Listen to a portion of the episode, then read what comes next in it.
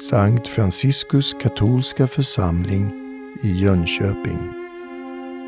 Är det inte naturligt att bli rädd när vågorna slår över på detta viset, när det händer någonting som är tumultartat, när det brakar och i fogarna i våra liv? Det är väl helt naturligt, tycker vi.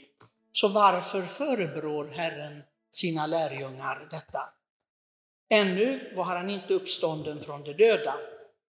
Och visserligen, de hade sett underverk, men vad då? Ja, de frågar sig, vem är han? Om till och med stormen och vågorna lyder honom. Men en sak är säkert, Herren här, som på flera andra ställen i evangelierna, är besviken på sina lärjungar. Varför har ni ingen tro? Och jag vet inte vad han skulle säga om oss idag. Vi som kallar oss kristna, vi är många i hela världen och vi finns överallt. Vad skulle han säga till oss? Har vi verkligen den tro som han söker, som han vill ha i oss? Vad är det för slags tro? Ja, tro på Gud i sig, det räcker inte. Även djävulen tror att Gud existerar. Och det leder inte till någon frälsning. Utan här handlar det om ett förhållande till Gud, ett förhållande som bär. Ett förhållande också som ger svallvågor i våra liv, som går ut till de andra, där de andra märker det. Att jag är en troende människa. Och det finns ju olika sätt att se på detta. Hur ska vi, ska vi gå ut och tala om Jesus på våra arbetsplatser, i våra skolor, i där vi befinner oss? Är det det vi ska göra? Det är nog inte alltid det behövs göra någonting sådant. Men att folk märker att jag tillhör Kristus, det måste finnas där. Det måste finnas en slags Kristusdoft som lämnas efter oss när vi går fram i livet. En Kristusdoft som de andra som inte bekänner sig till Jesus Kristus eller inte säger sig vara troende på något sätt, att de kan märka att han eller hon är annorlunda. De är inte samma självupptagna människor som de flesta andra. För nog är det så att för de flesta människor som lever i världen så gäller det att få ut så mycket som möjligt av världen och det är självupptagenhet, det är ingenting annat. Att jag ska så att säga njuta av livet på något sätt, så mycket jag kan. Denna hedonism som vi inte bekänner oss till. Och den kristne då ska, ska vara annorlunda. För Jesus talar ju om att vi ska vara salt och ljus i världen, det vill säga vi ska vara någonting som inte världen har. Och det här saltet, det ska hjälpa att bevara, det ska hjälpa att försvara, mot förintandet och ljuset som upplyser som vi vet. När det är mörker är det mörker. Och många människor lever i mörker, precis som eh, den helige, eh, som Elisabets eh, make Sakarias talade om att Johannes döparen skulle bli. Det här ljuset som lyser i mörkret. Vi är kallade till någonting stort. Och tyvärr är det väl så att vi nöjer oss. Vi nöjer oss. Det räcker att jag är en hygglig människa, men det, det hjälper inte. Det är inte hyggliga människor som, som behövs. Jo, det behövs ju det också naturligtvis. Men det behövs någonting mer. Att Kristus verkligen finns där inne i oss. Att när jag är i en konfliktsituation till exempel, att jag är kapabel till att förlåta av hjärtat. Att jag när jag träffar besvärliga människor, att jag kan se på den här människan med barmhärtighet och be om barmhärtighet för den här människan. Att jag inte bara skuffar undan och säger, vilken, vilket skräp, vad är det för människa, usch skyarna mig. Det, det är inte kristet. Det är inte kristet. Och om jag inte fattar detta, vad som är skillnaden mellan att vara kristen och inte kristen, ja, då är det inte undra på att världen ser ut som den gör. För vi är så många kristna i världen så vi borde, precis som ni vet pandemin, det började med att några personer bara var smittade, sen, sen är hela världen Men varför är det inte så med oss kristna då? Att vi smittar hela världen med den kristna tron. Hur kommer det sig? Är vi så dåliga smittbärare? Är vi vaccinerade mot den kristna tron? Hur kommer det sig att det finns så mycket hat och stridigheter i, i världen? När vi är så många kristna som bär på det kristna budskapet om kärlek och broderskap. Jag, jag fattar det inte. Det betyder, det är ett dåligt betyg för oss alltså. Det är mycket dåligt betyg för oss kristna. Och vi ser bara i våra små samhällen, hela tiden så kommer det upp, även i församlingen, familjer med bråkar och har sig. Hur kommer det sig? Hur kommer det sig att man bråkar i en kristen familj? Det, det är någonting som jag inte förstår. Jag kanske är uppvuxen i en sagovärld, men jag hör, hör, hörde aldrig mina fosterföräldrar bråka eller ha några argument eller höja rösten. Aldrig! Det var bara respekt och kärlek. Jag vet inte om de var, kom från någon speciell fabrik där man tillverkade sådana människor som inte bråkade, inte argumenterade och så. Och de talade om allt möjligt, men aldrig att de höjde rösten eller sa någonting som var kärlekslöst till varandra eller till andra människor. De talade, inte, de var inte katoliker, men de talade aldrig illa om någon. Jag hörde dem aldrig säga någonting ondskefullt om någon annan eller lämna ett omdöme om andra människor. Och de var inte formade i en katolsk församling.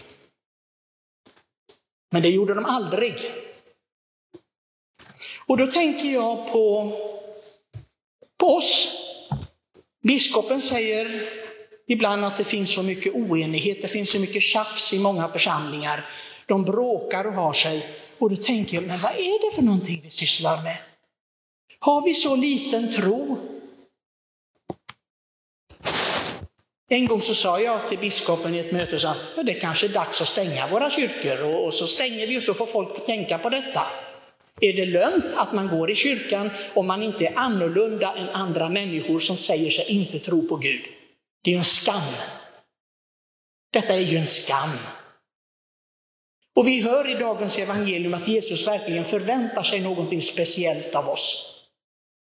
Han säger, varför är ni oroliga? Vad är det med er? Har ni ingen tro?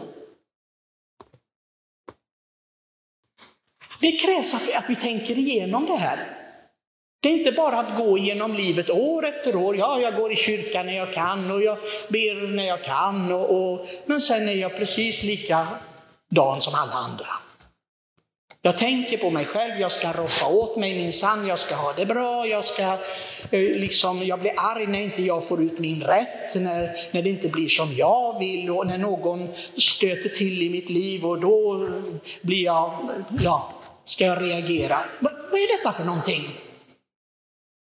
Vad är detta för någonting? Och jag tänker, det, jag träffar ju det, det är inte bara här i Sverige. Jag har ju levt i Italien, ett så kallat katolskt land. Jag tyckte det var bedrövligt. När jag mötte människor där i den församlingen som jag, jag tyckte det var bedrövligt. Hur de hackade på varandra. Hur de talade om varandra. Och var och en skulle vara först och viktigast. Och jag tänkte, vad kyrkan har misslyckats. Vilket misslyckande i kyrkan. Och vi har hållit på i över 2000 år. Och vi står där och misslyckas hela tiden. Och den här kärleken som Herren vill se oss, den kommer inte fram. Den är död. Ja, det finns de som arbetar för att hjälpa fattiga och behövande och så. Men finns det någonting mer? Det är mer än det som behövs för att vara en Kristi lärjunge. Att vara det dag för dag. Att se upp med de där fällorna som finns. Det är fallgropar hela tiden där Herren utmanar oss. Nu ska vi se hur du klarar dig. Ni vet som, som föräldrar ser med små barn när de ska börja gå. Ibland får de tillåta dem att trilla för att de ska lära sig och, och vara varsamma. Och det, så är det också med Herren. Han tillåter att vi faller många gånger. Men han hoppas ju också att vi ska lära oss någonting av detta.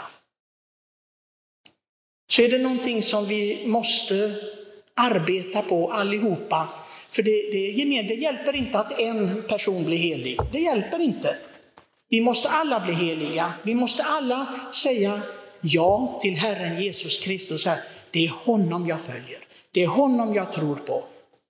Gud fader har inte sänt någon annan eller något annat i livet att följa än Jesus Kristus.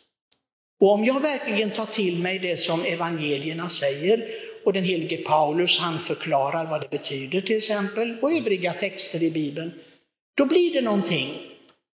Men om vi bara glömmer bort detta när vi går ut sen från mässan, och då, då, då lever vi i en helt annan värld. Och det är klart att då blir det ingenting. Då blir det ingenting. Pater Rafael han har lämnat en uppgift till mig. Han har satt några bönskälkar som han tror ska växa över taket. Och så säger jag, men snälla du, du måste vattna den här varje dag. Glöm inte att vattna de här bönskälkarna. Jag tycker inte om böner. Jag tycker om böner vi har i kyrkan, ja, men, men, men de här bönerna som han, det tycker jag inte om. För det ger gaser, tycker jag bara, sådana här böner. Men i alla fall, så jag är trogen detta. Jag vet det, om jag inte vattnar det så kommer han se det när han kommer tillbaka. Det kommer inte att bli det resultatet som han vill. Och samma sak är det med vår kristna tro. Om inte vi får tillräckligt med näring i den kristna tron, då blir det ingenting. Då blir det ingenting. Vill vi det? Jag åtminstone vill inte det. Jag, många gånger när jag läser evangelierna, blir skrämd över denna Ja, han ska, han ska verkligen titta på mitt liv med lupp. Han ska se allting. Det, det, det, räcker inte att jag klär mig i mässkläder eller att jag går omkring med en stor rosenkrans. Alltså. Det, det har ingen betydelse för honom, sådana saker.